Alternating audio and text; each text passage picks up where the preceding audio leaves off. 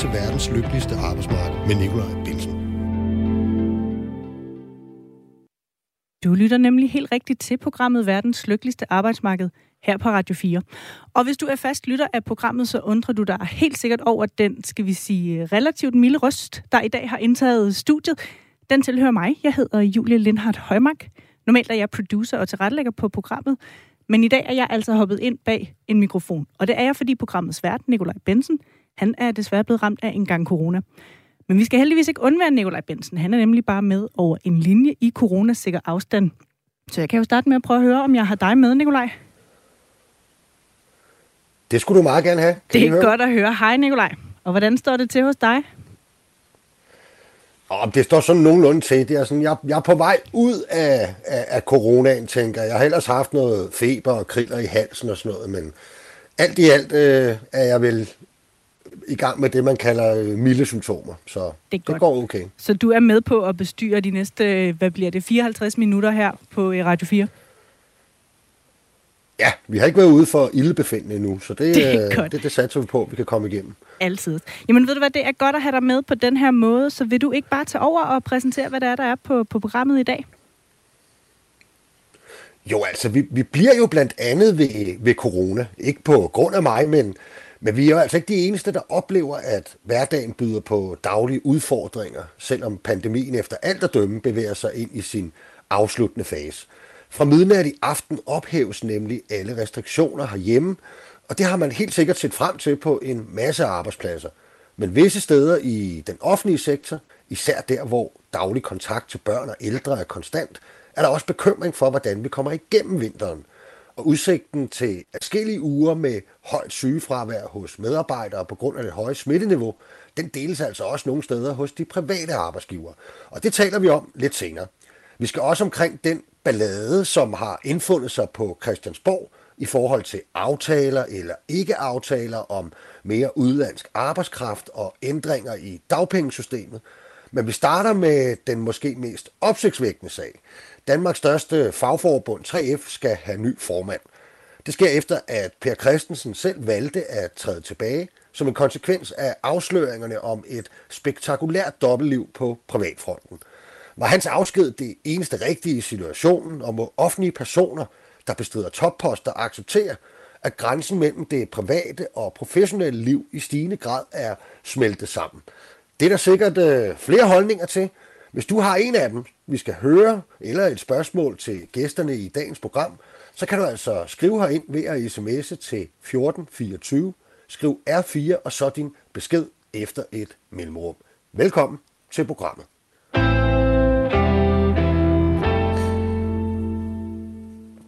alle tids. Og med en linje, der der vist fungerer helt okay efter omstændighederne, er, er vi nu i gang herinde. Heldigvis er det ikke kun dig og mig, Nikolaj, der skal, øh, der skal styre løjerne i dag. Jeg har øh, to gæster med mig her i studiet, og, øh, og I skal næsten bare have lov til at præsentere jer selv, hvis du vil starte herovre. Jeg hedder Henriette Brogdorf, og jeg er formand for BUPL Hovedstaden. Jeg hedder Danny Sjøberg, og jeg er tømmersvend. Yes. Det var de to gæster, Nikolaj. Velkommen til jer. Tak.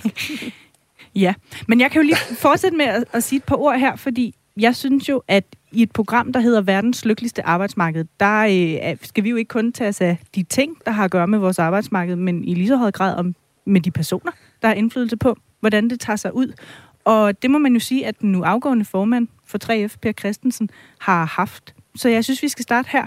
Øhm, og det kan vi jo passende gøre ved, at du, Nikolaj, prøver at beskrive det forløb, vi har oplevet den seneste øh, gode uges tid. Jo, altså det er jo en spektakulær sag, som i den sidste ende fører til, at Per Christensen, forbundsformand for 3F, landets største fagforbund, og vel en af de mest indflydelsesrige profiler på vores arbejdsmarked, trækker sig fra sin post i sidste uge.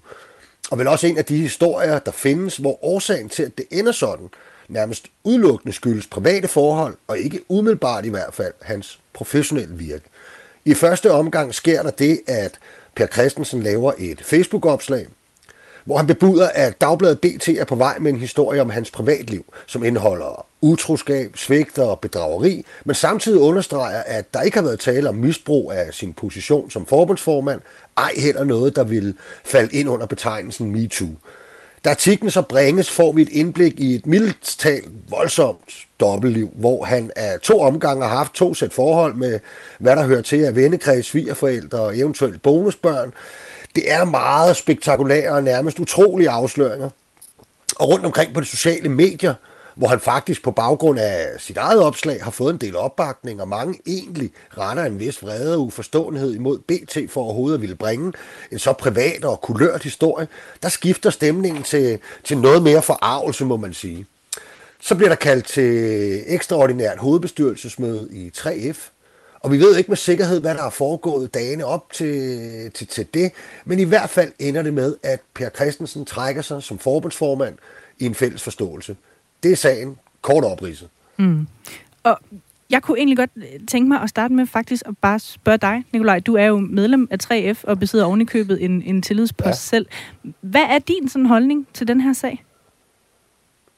Jamen, det er da en, det er da en lortesag, altså sådan, undskyld mit fransk, ikke? Men jeg er da træt af den, blandt andet fordi jeg var godt tilfreds med Per Christensen som forbundsformand. Jeg kendte ham kun som en stærk repræsentant, dygtig og skarp, og som en af dem, der virkelig havde fået flyttet 3F derhen, hvor man også har fået betydelig politisk indflydelse, som til gavn for 3F's medlemmer.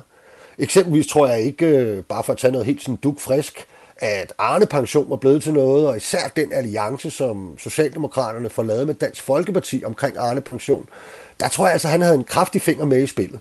Øhm, det ændrer bare ikke på, at det lynhurtigt blev en sag, hvor formandens troværdighed, og dermed jo 3F's troværdighed, var dybt svækket. Og især udgør det jo et, et kæmpe problem, og vel egentlig også et slags svigt af, af de tusindvis af tillidsfolk, som, som jeg jo tilhører, der dagligt repræsenterer 3F ude på arbejdspladserne, og hele tiden skal forsøge at organisere nye kollegaer. Så det var det eneste rigtige at trække stikket. Øhm, men jeg synes måske også, der er, der er flere lag i den her debat, man, man måske ikke har nået at tage. Og det kan vi så måske øh, nå i dag. Men, øh, men vi har jo flere 3F'ere med. Øh, Danny, du er ligesom mig medlem af, af 3F. Hvilke tanker går der sådan igennem dig, da den her historie bliver bragt? Jamen altså, jeg læser det Facebook-opslag, som Per han lægger ud. Og, og der tænker jeg allerede, at jeg synes, der er uler i mosen. Øh, og ja, det her det er virkelig en ulykkelig sag, synes jeg. Øh, og... Øh, men jeg er også fuldstændig på linje med hovedbestyrelsen i 3F, at øh, den eneste rigtige måde, det er, at, at manden må gå. Jeg ved, der er to spor her. Der er også øh, hele debatten om øh, pressens håndtering af privatliv, og, og, og om man skal blande sig i det. Har meget det indflydelse på hans arbejde som formand for en fagforening. Men jeg synes simpelthen, at sagen, den er så vanvittig. Den er så vanvittig, og det bedrag, der er så stort, så... Øh, så jeg vil sige, at tilliden for medlemmerne, i hvert fald for mig, altså jeg vil aldrig overlade ølkassen til ham ud på mit arbejde. Altså, det, det er simpelthen så stort et svigt af andre mennesker, så, så jeg, jeg, jeg, kan, jeg, jeg synes, det er den rigtige, det er den rigtige øh, beslutning, der er taget. Om han så selv har taget den, eller om det er gruppeformændene, der ligesom har sagt, øh, vi kan ikke bakke det op. Det, det, det, det er jo de ting, vi ikke ved, hvad der er sket. Men, men jeg vil sige, at øh, hvis det er privatlivet, og kun privatlivet, så, så kunne man diskutere, om, om det var en grund til at gå. Øh, det er jo sådan en holdning, jeg synes, kan skulle være gået, fordi bedraget er stort. Men der har jo også været snak om brug af lejligheder og brug af juridisk bistand for 3F. Og hvis de ting er rigtige, så har han jo brugt sin magt. Og øh, så for mig at se, så er det en ulykkelig situation. Og, og ja, man kan godt øh, sige, Per, du har gjort det godt. Men, men nu har jeg det jo også sådan, at at øh, han var jo ved at falde for aldersgrænsen alligevel, så på den måde, så, øh, så er det jo ikke... Øh, der kommer jo et, et valg anyway, øh, men, men, men nej, tilliden for mig som medlem er væk øh, til en mand, der begår så stort et bedrag. Okay, prøv, lige at uddybe, Danny, hvorfor, hvorfor det er så relevant, både for dig, men vel også for dine kollegaer og andre 3F'er, altså at kende den her side, som bliver beskrevet i BT af, af vores forbundsformand, Øhm, hvis, hvis vi ellers mener, at der ikke som sådan var noget at, at sætte på hans, øh, hans virke. Jamen, jeg tror, jeg tror altså, øh, hvis vi tager sådan et begreb som utroskab, som det er jo egentlig en nationalsport, ikke? Altså, det kan folk forstå, og det kan også folk også forstå, måske man har flere utroskaber eller affære. Men det her, hvor man, øh, offerne er, ja, det er, det er jo nogle kvinder, men det er i den grad også børn. Det er, det er jo hele familier, han bedrager.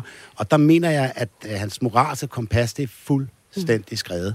Og jeg har svært ved at se ham komme til en forhandling med minister, trepartsforhandlinger, eller komme ud i en skurvogn og skulle fortælle os og vise vejen på, hvad der er rigtigt og forkert her. Altså, det, det, det, det kan jeg simpelthen ikke. Altså, jeg kan simpelthen ikke se en mand i Nonne, der, der på den måde har, har snydt andre mennesker. Altså, det er i hvert fald over, langt, langt over min grænse i hvert fald. Mm. Okay, lad os lige prøve at få, jeg kan høre, du står og, og, og, og nikker, var lige ved at sige, i baggrund. Henriette Brogdorf, du er selv lokal fagforeningskvinde, og som vi nævnte i indledningen, er du formand for, for, for Bubel i, i hovedstaden. Og fagbevægelsen er jo sådan en slags formel familie, øhm, internt, men den er også ekstremt filtreret ind i hinanden i, i folks bevidsthed derude. Øh, og det har jo altså med at, at være sådan, at en rigtig lortesag i et forbund, det kaster skygger over i helt andre fagforeninger, og, og måske også blandt deres medlemmer, selvom de intet som helst har, har med det at gøre. Øh, tænker man, set fra dit bord, at afsløringerne om Per Christensens privatliv kunne, kunne skade fagbevægelsen sådan bredere set. Har du oplevet det? Altså, jeg ved ikke, om det kan skade øh, sådan bredere set, men, men jeg tænkte selv, øh, da, jeg, da jeg læste om det, der tænkte jeg selv, øv, tænkte jeg, altså, øh, fordi at det, det netop lige præcis, altså fagbevægelsen skal være kendt for øh, transparens, den skal være kendt for ordentlighed, den skal være kendt for tillid. Øh, vi arbejder med relationer i fagbevægelsen, vi er afhængige af hinanden, vi støtter hinanden, vi gør alle de der ting, som er bygget på tillid. Vi kæmper, når vi kæmper, så kæmper vi sammen, så kæmper vi med en, med en øh, forståelse af, at øh, vi er ærlige over for hinanden, at vi går ind sammen, vi går ud sammen, og og alle de der forskellige ting, som vi har. Øh, og så er det bare, hvis, man, hvis der så er et, et, et, en person, som, øh, som lige pludselig har en, en fuldstændig anden øh, karakterer end det, man forventede, så er det rigtig dårligt, når man skal, når man skal, når man skal samarbejde, og når man skal, når man skal videre frem øh, med nogle fælles resultater, eller, eller noget, man vil kæmpe for. Så kan det være rigtig svært i virkeligheden, hvis, øh, hvis, hvis man ved, at denne her person i virkeligheden har kun har kunnet lave sådan nogle spil og bedrag, øh, som er det, jeg opfatter, at det er. Jeg kender jo ikke sagen helt ned i detaljer, det skal jeg lige sige. Mm. Øh, men, men det er da helt klart, at jeg tænkte øv for fagbevægelsen, og så tænkte jeg rigtig øv øv for 3F. Altså. Men, men du var så enig i, at øh, det, det, var, det var det rette, at, at han endte med at, at trække sig? Altså, jeg havde stor tillid til, at øh, den beslutning, der blev truffet i deres hovedbestyrelse, at, øh, at det var den rigtige. Og jeg tror også, at øh, hvis jeg selv havde siddet som hovedbestyrelse der, så tror jeg også, at jeg ville have, have, have bakket op om, om det valg. Altså, det er lidt svært, når man ikke kender sagen helt. Men jeg vil sige, at hvis vi fik en tilsvarende sag i, i BUPL, så tror jeg, der ville, at det ville have været nøjagtigt det samme. Jeg kan ikke forestille mig, at det ikke var sådan. Men det er svært, når man ikke kender sagen til bunds i virkeligheden, og, og at fælde en dom. Og jeg synes også, at det er, altså på en eller anden måde, så er det jo også, det her, det rokker jo i virkeligheden også ved noget af det der, som jo ikke kun handler om fagbevægelsen, men som jo også handler om, altså hvor meget må man have privat, og hvor meget må man ikke have privat. Og det er jo nogle svære mm. grænser, Altså, øh, og, og der skal vi selvfølgelig også passe på, at vi ikke bliver puritanere, altså fordi det er ikke det, det skal, det skal frem til. Men det synes jeg heller ikke, at det er det, der er sagen her. Altså fordi jeg sådan set som udgangspunkt er fuldstændig ligeglad med, om folk de har øh, 37 kæresteforhold, og om de øh, dusker med den ene om fredagen og den anden om øh, mandagen, eller hvad de gør. Det, det er fuldstændig ligegyldigt for mig, og også for, om øh, bare man møder frisk på arbejde, skulle jeg sige. Men, øh, men det er bare for at sige, at det er ikke det, der er afgørende for mig. Det, der er afgørende for mig, det er, hvorvidt at der har været et bedrag over for nogle mennesker, eller Ja, altså tror jeg også, mm. at, øh, at okay. fuldstændig rigtigt, som Mariette siger, det der med uh, pressen, der har jo været en debat, altså, der, der, altså pressen har jo også debatteret det her, om det har været det rigtige at bringe, ikke? Så jeg mm. tror, at det vil også være en debat, journaliststanden gør sig. Ja. Altså, hvor langt kan man gå, ikke? Og så, så, så det må vi da håbe, at det ikke bliver sådan noget, hvor de ligger bag uh, postkasserne, ikke? Men, jo, men der lyder vi... det jo lidt, der lyder det jo, Ja, undskyld, der lyder det jo lidt på jer to, som om, at, øh, at det var det rigtige at bringe, fordi at det, vi kender til, omfanget i dag, selvom alle detaljer nok ikke er helt belyst, og i øvrigt skylder vi nok også, siger Per Christensen, der er nogle, nogle få ting, han ikke er helt enig i. Men, men det virker jo som om, at, at debatten om, hvorvidt det skulle have været bragt eller ej, det, den er egentlig lidt overflødig, fordi at, at det, der i hvert fald er blevet bragt, det, det gør i hvert fald, at I tænker, at uh, han kunne ikke blive siddende. Men jeg synes også, det rejser så en, en lidt anden slags debat, ikke? fordi at øhm, hvor starter og slutter det her henne? Egentlig ikke er det sådan, mm. opfatter I det sådan, at hvis man er øh, Øh, øh, leder i, i, fra fagbevægelsen. Og hvor starter og slutter det så? Er det forbundsformand? Er det også Henriette som lokalafdelingsformand? Er det mig som fællestillidsmand? Er det en talsmand øh, på et lager med, med syv kollegaer? Altså, skal, skal, skal vi være renere end sne? Hører jeg lidt sige det? Eller synes I, det her det er en standard, der gælder i virkeligheden for hvad, det, man kunne kalde for eliten? Øh, er det også politikere og erhvervsledere øh, på den helt tunge hylde, eller hvad? Kan I følge mig? Ja, altså jeg tror ikke, der er nogen, der er ren som sne. Øh, og det tænker jeg egentlig heller ikke, at, øh, at, at vi skal være. Øh, men, men, øh, men det er klart, at, øh, at når, når, når vi som, som formand, eller, eller man som tillidsvalgt, eller et eller andet, så skal man jo have sin medlemmers troværdighed. Og hvis det er sådan, som Danny siger, at øh, det, har, altså det får han ikke, eller hvis man ved, at dem, man sidder og forhandler overfor, at øh, de sidder og kigger på en og kun tænker på én ting, altså nemlig øh, den sag, der har været, så, så kan man jo ikke forhandle mere. Altså kan man ikke de ting mere, som man skulle. Og det er jo også det, der er afgørende det her, det er, netop lige præcis, at man er leder ind i det her. Og det vil sige, at som leder, der skal man kunne have nogle handlemuligheder. Og hvis det, man har gjort i virkeligheden, spænder ben for de handlemuligheder, som man har, altså at de, at de andre sidder og tænker, det dur ikke, eller, eller kan jeg stole på den person, eller hvordan er det her, jamen så har man jo i virkeligheden Øh, altså så har man bidt sig selv i haserne, hvis man ellers skal det. Øh, men, og, mm. og så, så, så kommer det ikke til at fungere i fremtiden, og jeg tænker, det er det, som, øh, som hovedbestyrelsen i 3F også har tænkt. Ja, jeg er fuldstændig enig. Altså, Danny? Ja, altså jeg, okay. jeg, jeg, altså, jeg har da også sådan lidt, altså jeg er fuldstændig enig. Der er jo ikke nogen af os, der er rene som sne, og det siger jeg heller ikke, man skal være. Altså for mig har jeg vurderet den her sag, hvad, altså min holdning til det, og det er simpelthen, at, at de ofre, der har været, simpelthen, der har været for mange, og det har været for voldsomt til, at, øh, at jeg, jeg ligesom kan stå inden for, for, for sådan en mand, som skal repræsentere mig. Men, men, og det er jo en vurdering. Nogle synes jo, at det er, det er helt fint, at det kan han godt gøre, men det er, det er altså ikke særlig mange. Jeg tror, de fleste er enige i den beslutning, der er taget. Så øh, mm. øh, privatlivet, ja, det skal vi have, også som tillidsvalgte. Øh, men, men, men jeg synes også, der er grænser for, hvor langt du kan, du kan trække den.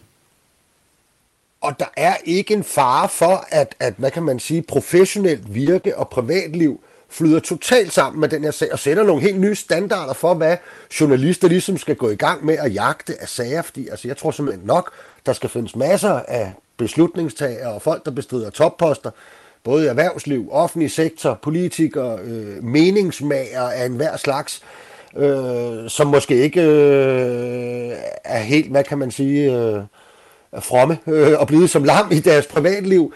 Altså, vi er ikke nervøse for, at, øh, at, at, at, at vi lidt har manglet en seriøs debat omkring, øh, hvor meget privatliv skal have indflydelse på, på vores vurdering af folks professionelle virke. Altså, historien er jo fyldt med, med, med store personligheder, som har været fuldkommen skrupelløse i deres privatliv, men gjort masser af godt for mennesker øh, i øvrigt.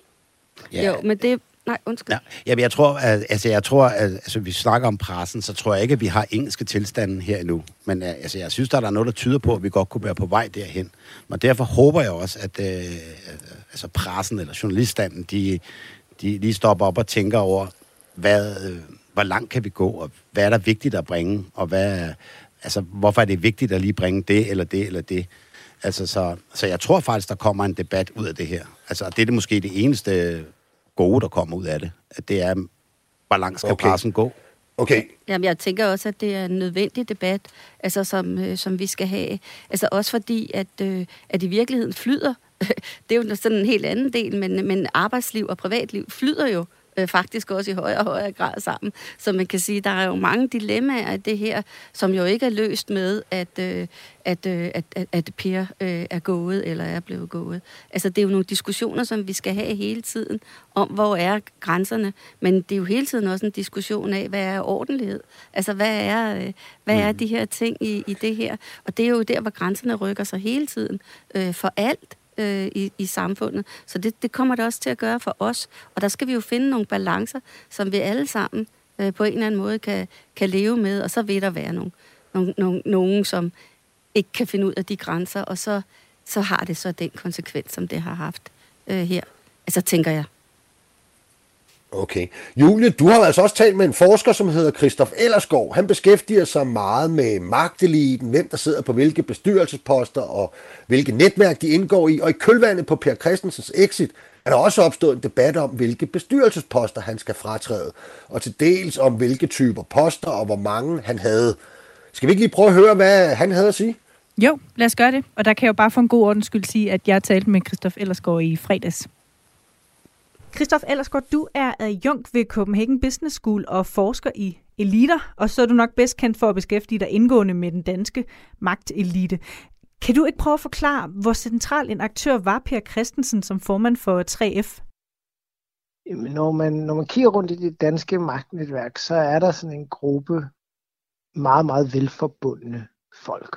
Og en, en lille gruppe af dem er øh, fagforeningsleder, og en af dem, der er allerbedst forbundet, øh, lige efter øh, metalformanden Claus Jensen, det var, øh, hvad hedder det, 3F's formand Per Christensen, øh, da vi undersøgte i, i 2017. Så han var faktisk sådan i top 10, når vi kiggede på, hvem der lå rigtig længst ud i magtnetværket, og, og inden for fagbevægelsen var han nummer øh, sådan 3-4 stykker efter, som sagt, øh, Claus Jensen fra Dansk Metal, men også øh, sådan på niveau med øh, Kim Simonsen, den daværende HK-formand, og øh, hvad hedder det, Sætter Rigsgaard, som jo var formand for det, der dengang, da vi lavede samle data sidst, var øh, LO, og nu er FH.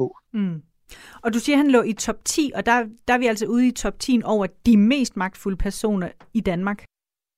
Ja, man kan ikke nødvendigvis sige, at det, at man har det 10. bedste netværk, formelle netværk, betyder, at man er top 10 over de mest magtfulde personer. Det betyder i hvert fald, at man jo har et af de 10 bedste formelle netværk, og, og det betyder også, at der er i rigtig mange sammenhænge, at folk synes, man er relevant at bringe ind, og man kommer med noget. Og det kan vi jo se på, at Per Christensen på det tidspunkt for eksempel ikke bare er i, selvfølgelig i, i daværende LO's daglige ledelse, øh, og selvfølgelig i 3F, men også som bestyrelsesformand i Pension Danmark, som jo øh, øh, hvad man siger, pensionsselskab for 3F's medlemmer, men som også har en, en pengekasse på, på 300 milliarder kroner. Øh, men jo også, at han sidder for eksempel i det økonomiske råd, der rådgiver regeringen omkring økonomisk politik. Han sidder i, øh, hvad hedder han, var med i øh, Lykke-regeringens disruption-råd og diskuterer ligesom de politiske udfordringer, som teknologi gav for, for det danske samfund, som virkelig også var et vigtigt sted. Og også for eksempel, han var med Pension Danmark til World Economic Forum i Davos i Schweiz og mødtes med resten af den globale magtelite. Så han har simpelthen været en del af nogle netværk, hvor han direkte har kunne påvirke den politiske dagsorden? Det har han. Øh, dels det, og dels har han jo også været interessant at snakke med, fordi at han som øh, bestyrelsesformand i Pension Danmark for eksempel jo også er med til at bestemme, hvordan en masse penge investeres. Han var jo også i bestyrelsen for ATP, der jo administrerer en masse af vores allesammens penge, øh, ikke blot, blot tre medlemmer. Så, så på den måde har han været en, en vigtig aktør at have med, og, og også fordi, at han 3F er en af de vigtigste øh, organisationer i den danske model. Det er det allerstørste enkeltstående fagforbund. Øh, så på den måde er han jo også en vigtig figur at få med ombord, hvis man skal lave et eller andet politisk kompromis. Det, det er besværligt. Det bliver meget mere besværligt, hvis 3F er imod noget, end hvis 3F er, er mere ombord. Kan man sige, at, at Per Christensens position som en central aktør, at det på en eller anden måde er kommet som en naturlig forlængelse af, at han er formand eller var formand for landets største fagforening, og at det er på den måde, ja. han har gjort sin indflydelse gældende? Fuldstændig. Altså den magt, han har haft, har i meget, meget strengt været knyttet til hans post. Mm. Så det vil jo også sige, at selvom han var stoppet under, hvad man siger, mere almindelige forhold, end han er stoppet under nu, så vil han sandsynligvis ret hurtigt have forsvundet ud af denne her magtelite, vi kortlægger igen. Det er i hvert fald det, vi kan se sket med de andre fagforening, de fleste andre fagforeningsledere. Det kan godt være, at de sidder på et par enkelte poster bagefter, men, men, men ret hurtigt, så, så bliver de simpelthen erstattet af deres øh, efterfølger.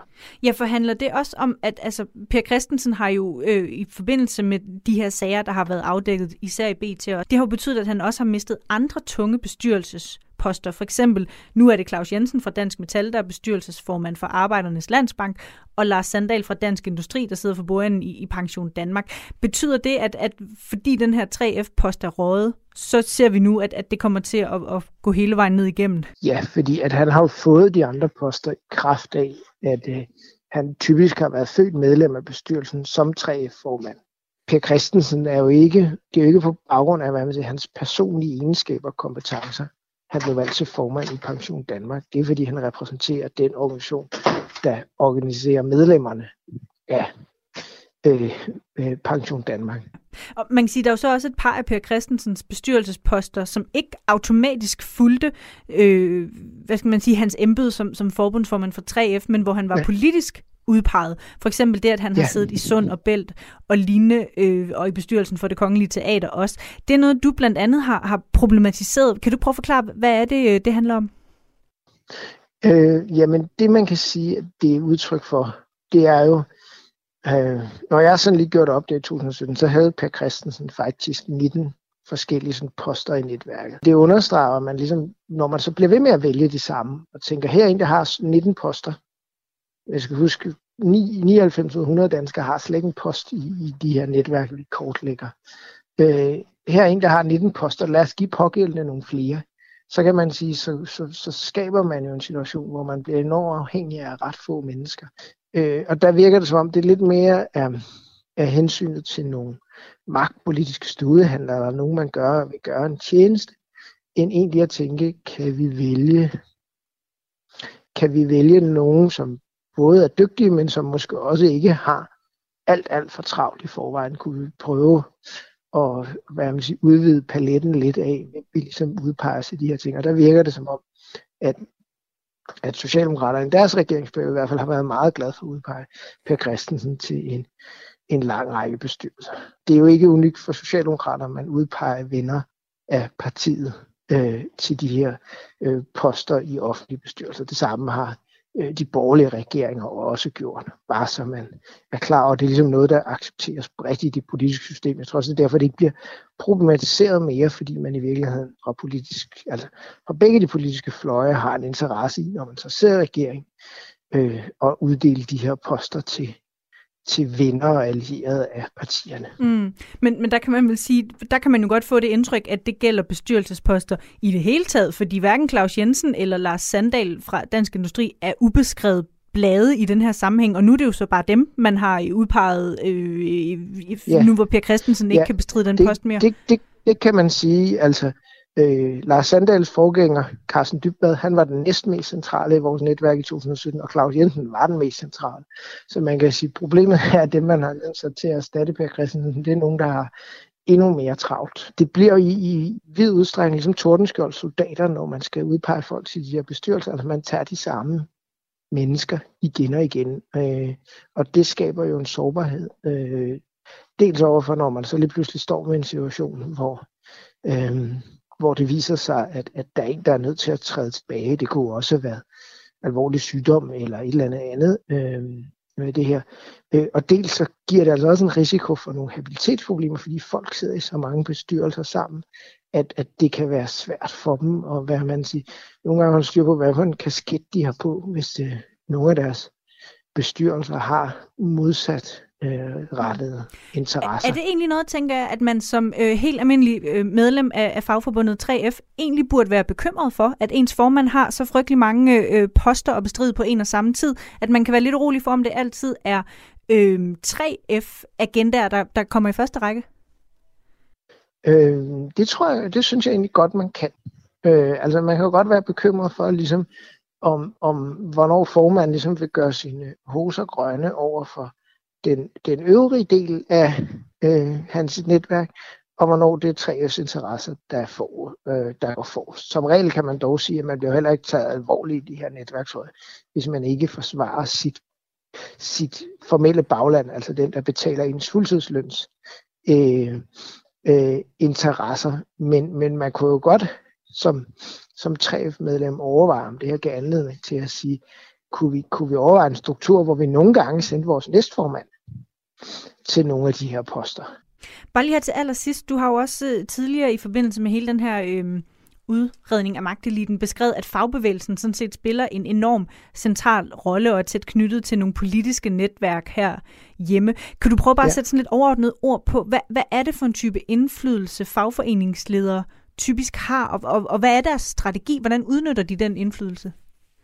Man kan sige, at fagforeningerne har jo de sidste 40 år på en eller anden måde været på delvis tilbagetog. De har, de har jo haft en position, hvor de var endnu mere magtfulde. Det har nok fået folk til at tro, fordi de ligesom har været på tilbagetog, at de har tabt det hele. Det er ikke tilfældet. Øh, fagbevægelsen er stadig enormt vigtig, fordi at hvis man skal lave store kompromiser i vores samfund, som vi for eksempel så det omkring corona, øh, nedlukning, lønkompensation osv., så, så fungerer det bare meget, meget bedre, hvis man har fået fagbevægelsen med. Så, det, så, så på den måde kan vi sige, det er måske sådan en slags øh, vetoret, øh, fagbevægelsen har i de her magtnetværk. Altså, at, at de, de er en af de grupper, som man ikke kan undgå at tænke med ind, hver gang man skal tænke over reformer og forandringer af det danske samfund. Christoph Ellersgaard, du skal have mange tak, fordi du lige ville øh, tale med mig om, øh, om det her og være med i programmet. Tak fordi jeg måtte være med. Okay, det synes jeg var meget øh, spændende. Henriette, jeg kunne godt tænke mig at, at spørge dig, om, om, om du synes, at, at, øh, at Christoph Ellersgaard har en pointe i det der med, at der er rigtig meget magt, der bliver koncentreret på, på få hænder, og at øh, der er mange udnævnelser til bestyrelser, øh, som måske lidt lovligt automatisk sker, øh, sådan bliver valgt blandt tordenskjold soldater. Er det en samfundsproblem? Ja, altså det er det jo på en eller anden vis, hvis det er de samme, der hele tiden øh, øh går igen og igen. Og jeg synes da også, at man kan diskutere, om man i virkeligheden kan varetage 19 bestyrelsesposter, altså samtidig med sit, øh, med sit fuldtidsarbejde øh, som, øh, som, øh, som, for, øh, som forbundsformand. Altså det, øh, men, men det ved jeg, nu ved jeg jo ikke lige præcis, hvordan det har foregået i de her øh, bestyrelser. Jeg ved jo også, at der er store sekretariater omkring folk, så det er jo sådan. Men, men jeg synes der under alle omstændigheder, synes jeg faktisk, at det er en rigtig god idé, at man får fordelt øh, tingene mere ud. Altså også fordi, at øh, det er øh, det, er, det er rigtig godt, at der er flere til at bære øh, de opgaver, der er i fagbevægelsen. Det synes jeg er, er rigtig godt, at man, øh, at man forsøger at kigge øh, bredere ud. Det er faktisk rigtig usundt, hvis det er, at der er nogle mennesker, der i virkeligheden får for meget magt over for meget. Altså der tror jeg, jeg tror på, at det er en rigtig god idé, at man, øh, at man fordeler det blandt, øh, blandt de valgte. Og der er jo masser af valgte i fagbevægelsen, som man kan tage Mm. Altså, jeg, jeg må indrømme, jeg er måske sådan lidt mere kynisk med det der, men jeg er jo selvfølgelig også medlem af 3F. Jeg har det fint med, at, øh, at, at vores forbundsformand placerer sig så centralt som overhovedet muligt, og, og stoler på, at de selv vurderer, øh, hvilke bestyrelser, der er relevante i, i den sammenhæng. Vi må bare sige, at... Øh, at, at, at hvis man sådan skal kigge på, på outcomeet af det, altså han var bestyrelsesformand i, i Arbejdernes Landsbank, som i hvad, mere end 10 år i streg er blevet kåret til den mest populære bank blandt kunderne. Pension Danmark var han også bestyrelsesformand for, som, som er rigtig mange bliver betragtet som et af de allerbedst drevne pensionskasser øh, med, med de laveste administrationsomkostninger osv. herhjemme. Øh, så, så jeg er måske sådan lidt kynisk. Jeg, jeg vil næsten forvente, at, øh, at, at min forbundsformand for, for landets største fagforbund øh, Øh, placerer sig så centralt som overhovedet muligt. Men lige her til allersidst, Danny, fordi vi skal jo have en ny formand på den ekstraordinære kongres, der er indkaldt til i marts. Øh, indtil videre er det jo næstformand Tina Christensen, som er konstitueret frem til da. Hvad for en slags formand håber du på, det bliver?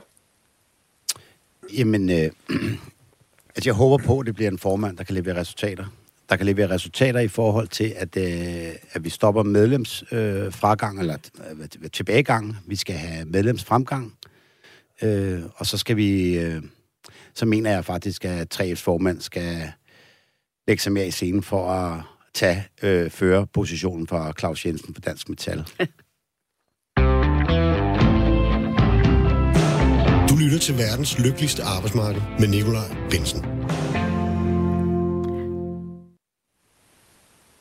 Det er lige hvad du gør, og hvis det er lige for et øjeblik siden, at du har stillet ind på Radio 4 og måske undrer dig over, hvorfor den normale vært taler i telefon, så er forklaringen den simple, at jeg som så mange andre er blevet testet positiv og ramt af corona.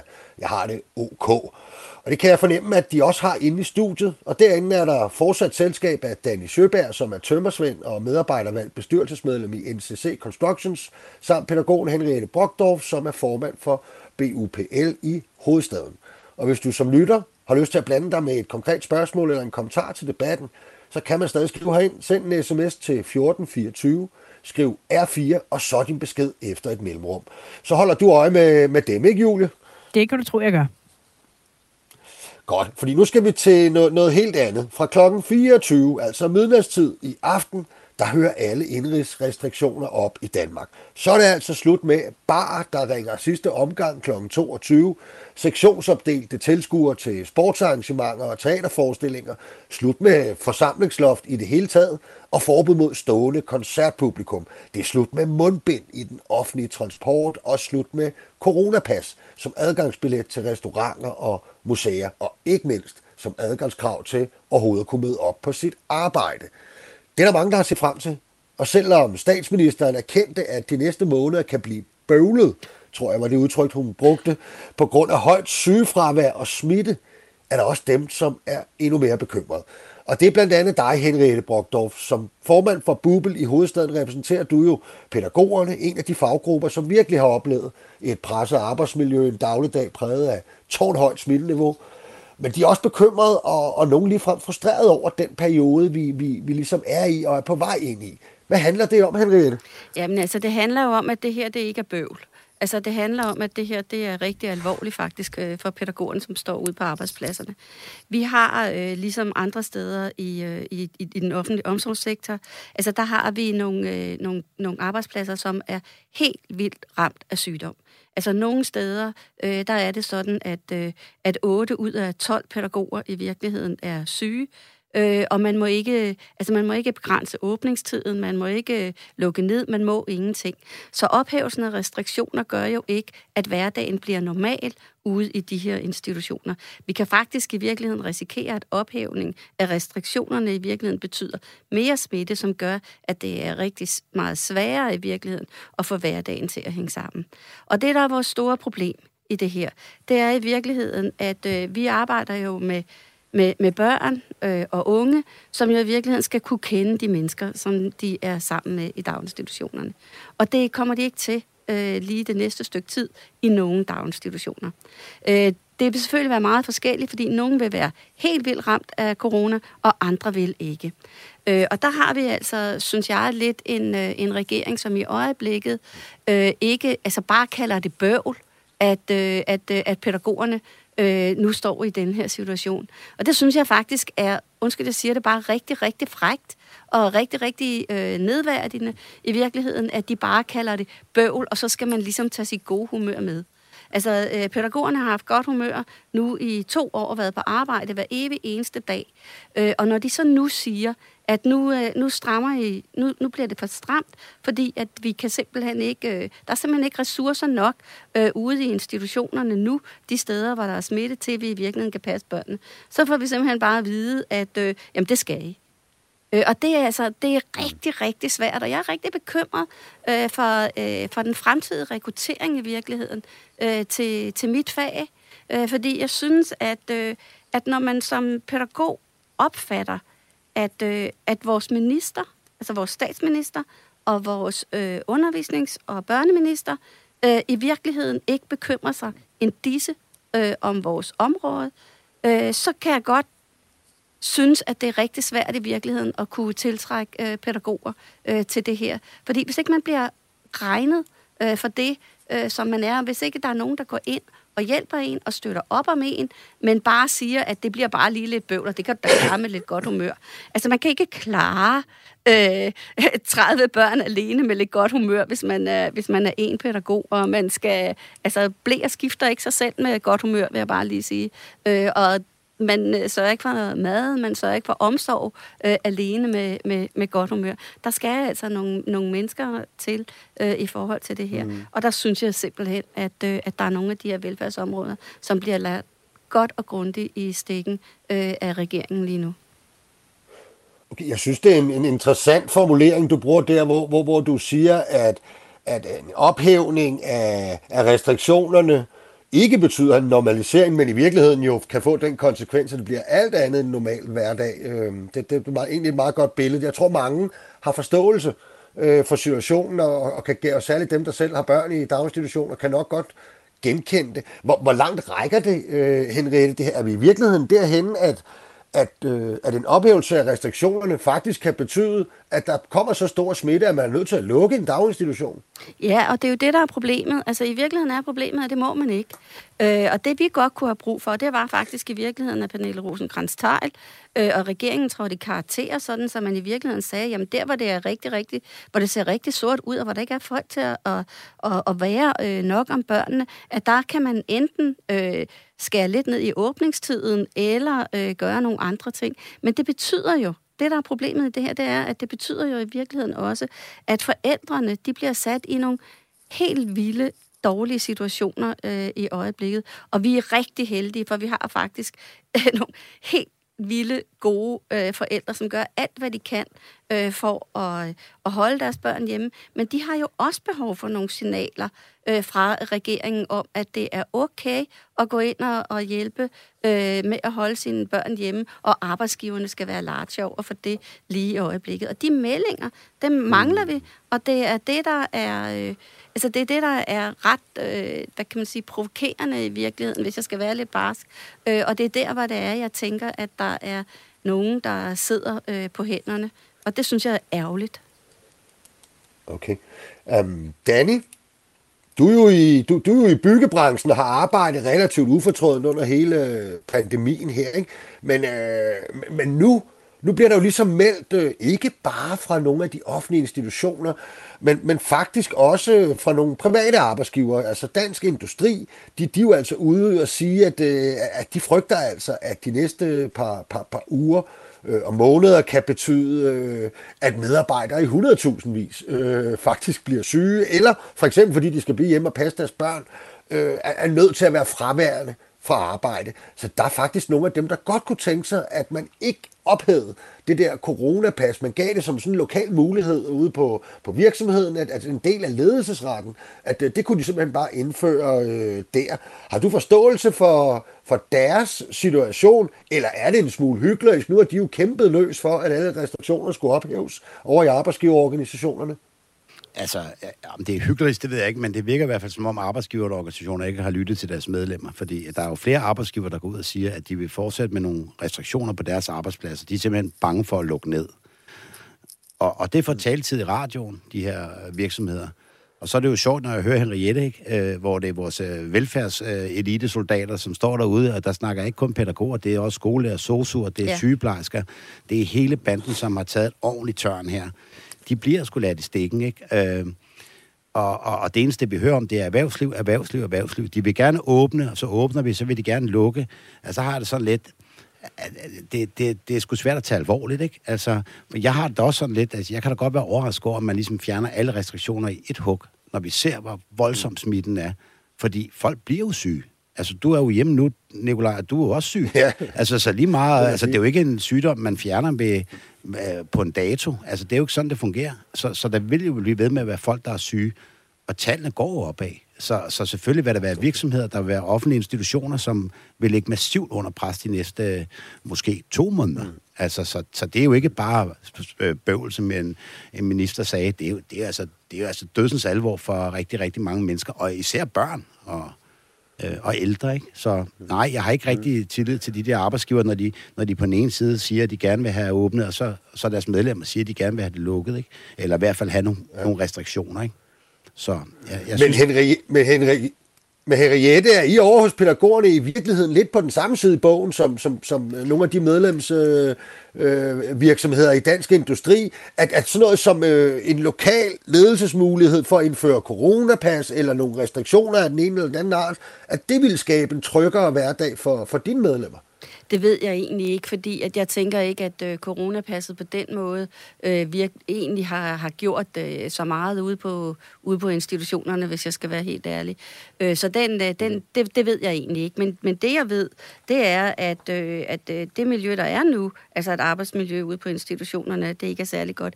Men det jeg vil sige, det var, at, øh, at jeg tænker lidt, at, øh, at de her restriktioner, altså jeg er bare personligt lidt bange for nu, at øh, Sundhedsstyrelsen i virkeligheden virkeligheden mere er blevet en arbejdsmarkedsstyrelse. Øh, og det er der, hvor jeg i virkeligheden kan mærke, at jeg har behov for i virkeligheden øh, nogle mere, noget mere klarhed om, øh, hvad er det egentlig, at Sundhedsstyrelsen bygger sine ting øh, på? Altså er det sundhedsfaglige ting, eller er det, eller er det lige pludselig en, en, en arbejdsmarkedsting?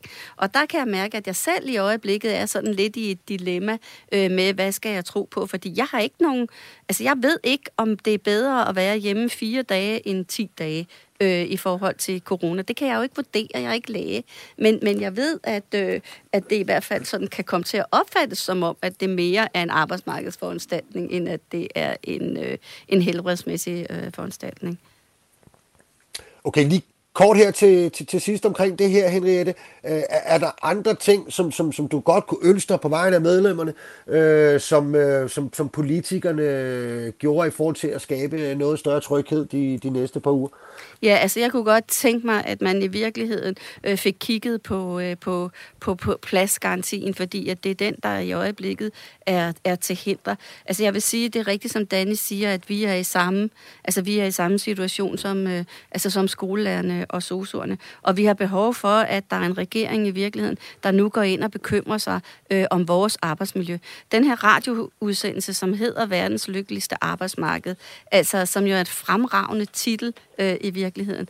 Der kunne vi rigtig godt tænke os, at man i virkeligheden øh, tog den overskrift øh, og puttede ind i regeringen og sagde, at øh, jamen altså, de næste par uger, der skal det jo også være verdens, øh, eller i hvert fald øh, Danmarks øh, lykkeligste arbejdsmarked. Og der vil jeg bare sige, der har vi nogle pædagoger, nogle skolelærer, nogle sosuer, som overhovedet ikke kan genkende øh, det billede. Okay, vil du være Henriette? Opfordringen er jo altså hermed givet videre. Og vi skal også lidt videre nu. For det var jo sådan, at i forrige weekend, der indgik regeringen en række aftaler, som kredsede om manglende arbejdskraft og øget arbejdsudbud i fremtiden. Det behandlede vi grundigt i sidste uges program, men hvis man kort skal rise op, betød det, at man ifølge Beskæftigelsesministeriet øger den strukturelle beskæftigelse med ca. 12.000 fuldtidspersoner og BNP med 17,5 milliarder. Det sker via en række forskellige aftaler, som både omhandler øh, ændringer i vores dagpengesystem, og det omhandler, at man sænker beløbsgrænsen øh, til 375.000 kroner årligt i en midlertidig periode. Men så gik der altså Christiansborg i den, og for os, der bare betragter det hele udefra, kan det pludselig virke som om, at der slet ikke er flertal for nogle af aftalerne. Nogle af ændringerne i dagpengesystemet, de er altså omfattet af tidligere forlig. Og der er praksis på Christiansborg, at man kun ændrer i dem, hvis alle forligsparterne er med i de nye aftaler eller nikker til ændringerne. Det er ikke noget, der sådan står nogen steder. Det er, sådan, det er bare en praksis, man har. Øhm, og der er det jo sådan, at selvom de borgerlige partier selv længe har foreslået at forringe dimensionssatsen, og man må formode, så er de tilfredse med, at regeringen ender med en aftale, der gør det, så ønsker de til gengæld ikke den del af forlidet, som giver højere dagpengesats ved de første tre måneders ledighed. Så der er udbrudt en form for chicken race, hvor regeringen håber på, at de borgerlige trods alt ikke vil stemme imod deres egen politik, mens de borgerlige de håber på, at regeringen vil komme tilbage til forhandlingsbordet, så man kan lave en helt ny aftale. Skal vi ikke, øh, skal lige sige så også, at der er altså den mulighed, at man bare beholder øh, det flertal, der har vedtaget det, udenom forlisparterne, men så kan de først træde i kraft efter næste folketingsvalg. Og så er der i hvert fald ikke nogen øh, friske hænder til, til de arbejdsgiver, der skriger på manglende arbejdskraft, her og nu i hvert fald. Øh, hvad tænker I? Jeg skal bare lige starte med det øh, først. Hvad tænker I om, øh, når man ser sådan udefra de der øh, forhandlinger omkring et problem, der skulle være kæmpe enormt, og nu skal vi skaffe arbejdskraft øh, hellere i går end i dag øh, til landet? Danny? Ja, altså, når jeg kigger på de, de, de aftaler, der ligger, så har jeg virkelig svært at se, hvorfor de ikke kan samle sig om det. Altså blå og rød blok. Det kan jeg ikke. Altså det der beløbsgrænse, det er 15.000, der afgør det. Øh, altså, de, de, det, er, det er så lidt... Altså, man, jeg, nu har jeg ikke sådan... Jo, jeg har holdninger til, hvad jeg synes om beløbsgrænsen ikke skulle sættes ned, men, men altså, jeg har virkelig svært ved at se, hvad det er, de skulle være uenige om, ikke? Og, og måske er det... Er det altså, jeg, jamen, jeg ved ikke, altså, de blå, de bruger ord som øh, blodpenge og gaver til vennerne i fagbevægelsen, ikke? Øh, og det kan man jo også øh, omvendt argumentere for ved en nedsættelse af beløbsgrænsen til arbejdsgiverforeningerne, ikke? Men altså, jeg kan ikke se, hvorfor det er. Og det er måske fordi, at det der politik, det er blevet sådan en, en so-me-debat i stedet for, end at de rent faktisk sætter sig ned og snakker sammen, ikke? Øh, så jeg synes, jeg synes, det virkelig er, en, det er mm. simpelthen, øh, det er lidt pinligt faktisk, den måde, mm. de kører på, ikke? Altså, øh, den måde, de ikke kan tale sammen på. Når de egentlig er, når man kigger Men på aftalerne, så er, det jo ikke, så er de jo ikke langt fra hinanden, vel? Men Henriette, har, har de borgerlige i virkeligheden ret, når, når vi taler om de her ændringer i dagpengesystemet? Altså, ikke? altså det bliver udlagt som en sejr øh, til fagbevægelsen, i det flere A-kasseforsikrede vil opleve forbedringer end forringelser. Andre kalder det jo så for sådan et, øh, et boomerforlig øh, fra regeringens side, hvor det er sådan, at de lidt ældre grupper, der til gode ses, mens det er de unge, nyuddannede dimittenter, der skal betale med forringelser, og man kan endda trække den endnu videre, fordi alt det her handler om at skaffe øh, den arbejdskraft, man også har trukket ud af arbejdsmarkedet ved Arne Pension. Altså igen, det er de noget ældre generationer, som skal starte tidligere på arbejdsmarkedet, som øh, kan få lov til at gå, gå, gå, gå lidt tidligere på pension, især fordi de mange af dem er nedslidte. Det skal de have lov til, men det skal altså finansieres ved forringelser over hos de unge nyuddannede, og de kommende unge nyuddannede. Øh, sådan nogle øh, har I vel også øh, i, i BUPL, har I ikke? Jo, jo. Kan, kan du godt følge de borgerlige lidt? Ja, jeg ved ikke, om jeg lige kan følge dem. Det er nu nok så meget sagt. men, øh, men, altså, men, øh, men jeg synes faktisk i virkeligheden, at nedsættelsen af dimittentsatsen, det synes jeg faktisk er et problem, hvis jeg skal være helt ærlig. Altså, øh, og det har rigtig mange årsager. Altså, øh, men blandt andet, fordi jeg tror, at hvis øh, dimittentsatsen er for dårlig, så tror jeg faktisk, det bliver rigtig svært i virkeligheden at anspore folk til at være medlem af en A-kasse. Og det synes jeg faktisk er en af de allervigtigste ting. Og jeg tror, at øh, man er nødt til at se på det her sådan lidt bredere. Altså man er nødt til at kigge på, at øh, det at være medlem af en A-kasse, det skulle gerne være noget, som vi alle sammen var. Og derfor er man nødt til at lave nogle systemer, som i virkeligheden rammer øh, rigtig mange. Så kan det godt være, at, øh, at, det kan være, at det kan være svært, for det er det selvfølgelig. Men, men jeg synes faktisk i virkeligheden, at nedsættelse af dimittensatsen er en af de rigtig, rigtig, rigtig ærgerlige øh, ting i det her, og som jeg faktisk i virkeligheden er rigtig uenig i, hvis jeg skal være helt ærlig. Den anden okay. der med, op, altså med at sætte op i tre måneder, den, kan, den synes jeg så til gengæld er, er rigtig fin. Men jeg synes jo i virkeligheden, at selve dagpengesystemet i virkeligheden øh, øh, er for dårligt, øh, sådan som det er nu generelt set. Altså, og der så jeg gerne, at man, var, at man var et andet sted. Men det svarer jo ikke på dit spørgsmål, om jeg er enig med de borgerlige. Nej, jeg er faktisk ret uenig med de borgerlige, tror jeg. Men så lad os lige høre, om Danny han er enig med de borgerlige i, og arbejdsgiver i øvrigt, som, som siger, at den, den, den forhøjede dagpengesats, den betyder, at over 100.000 lavt lønnede danskere, som går på arbejde hver dag, de vil få mindre udbetalt før skat, end nogle af dem, som bliver ledige og lever op til de nye krav om forhøjet dagpengesats. Er det rimeligt, og vil det ikke genrejse debatten om, hvorvidt det overhovedet kan betale sig at arbejde i det her land? Ja, altså, ja, det korte svar, om jeg er enig med, med, med de borgerlige, det er, det er nej, det er jeg ikke. Og jeg er fuldstændig enig i, at, at, at, at nedsættelse af dimittentsatsen, det er, det, det, det, er ikke, det, er ikke, det er ikke værdigt, synes jeg, for de unge mennesker. Og, og når Henriette siger, at det kan betyde, at folk de melder sig ud, der kan man jo sige, ja, men det kan måske også fastholde nogen, som vil, vil få en forhøjelse. Så jeg tror, at den ligning går lige op. Men, men, men det der med at give noget i tre måneder, her er et beløb, der hedder 5.000 ekstra om måneden, jamen det er et, et dagpengesystem, som har været udsultet i, i, ja. i mange år, så det er jo ikke noget, man giver, det er jo et lappeløsning, så ja. i virkeligheden tager man øh, når man sætter dimittentsatsen ned. Så, så, øh, men det er rigtigt, det er jo noget, der rammer de unge, og det er, det er der imod. Mm. Altså, det er, det, det, det er ikke så, det, det, det er virkelig imod. Mm. Men det er også så, hvor man, lige, jamen, det er også, for, det er også fordi, at vi bliver ligesom øh, sat over for nogle valg, som vi, altså, hvor jeg tænker, jamen altså, øh, mit udgangspunkt er et andet. Mit udgangspunkt er et andet dagpengesystem. Altså et dagpengesystem, som i virkeligheden er mere, er mere øh, værdigt. Og det, de har siddet og lavet her, det er jo sådan noget hakken eller hakken tog. Og så har de i virkeligheden fået sådan en askepotsko, som der ikke er nogen, der kan passe.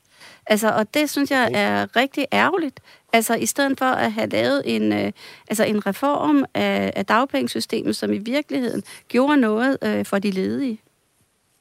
Okay, men jeg skal bare her til allersidst have et ja eller nej fra jer. Tror I, Mette Frederiksen kunne være så fræk, at hun øh, kunne finde på at udskrive et valg på det her spørgsmål? Henriette først. Puh, øh, jeg tror ikke, hun vil have valg lige nu, og heller ikke på det her. Okay.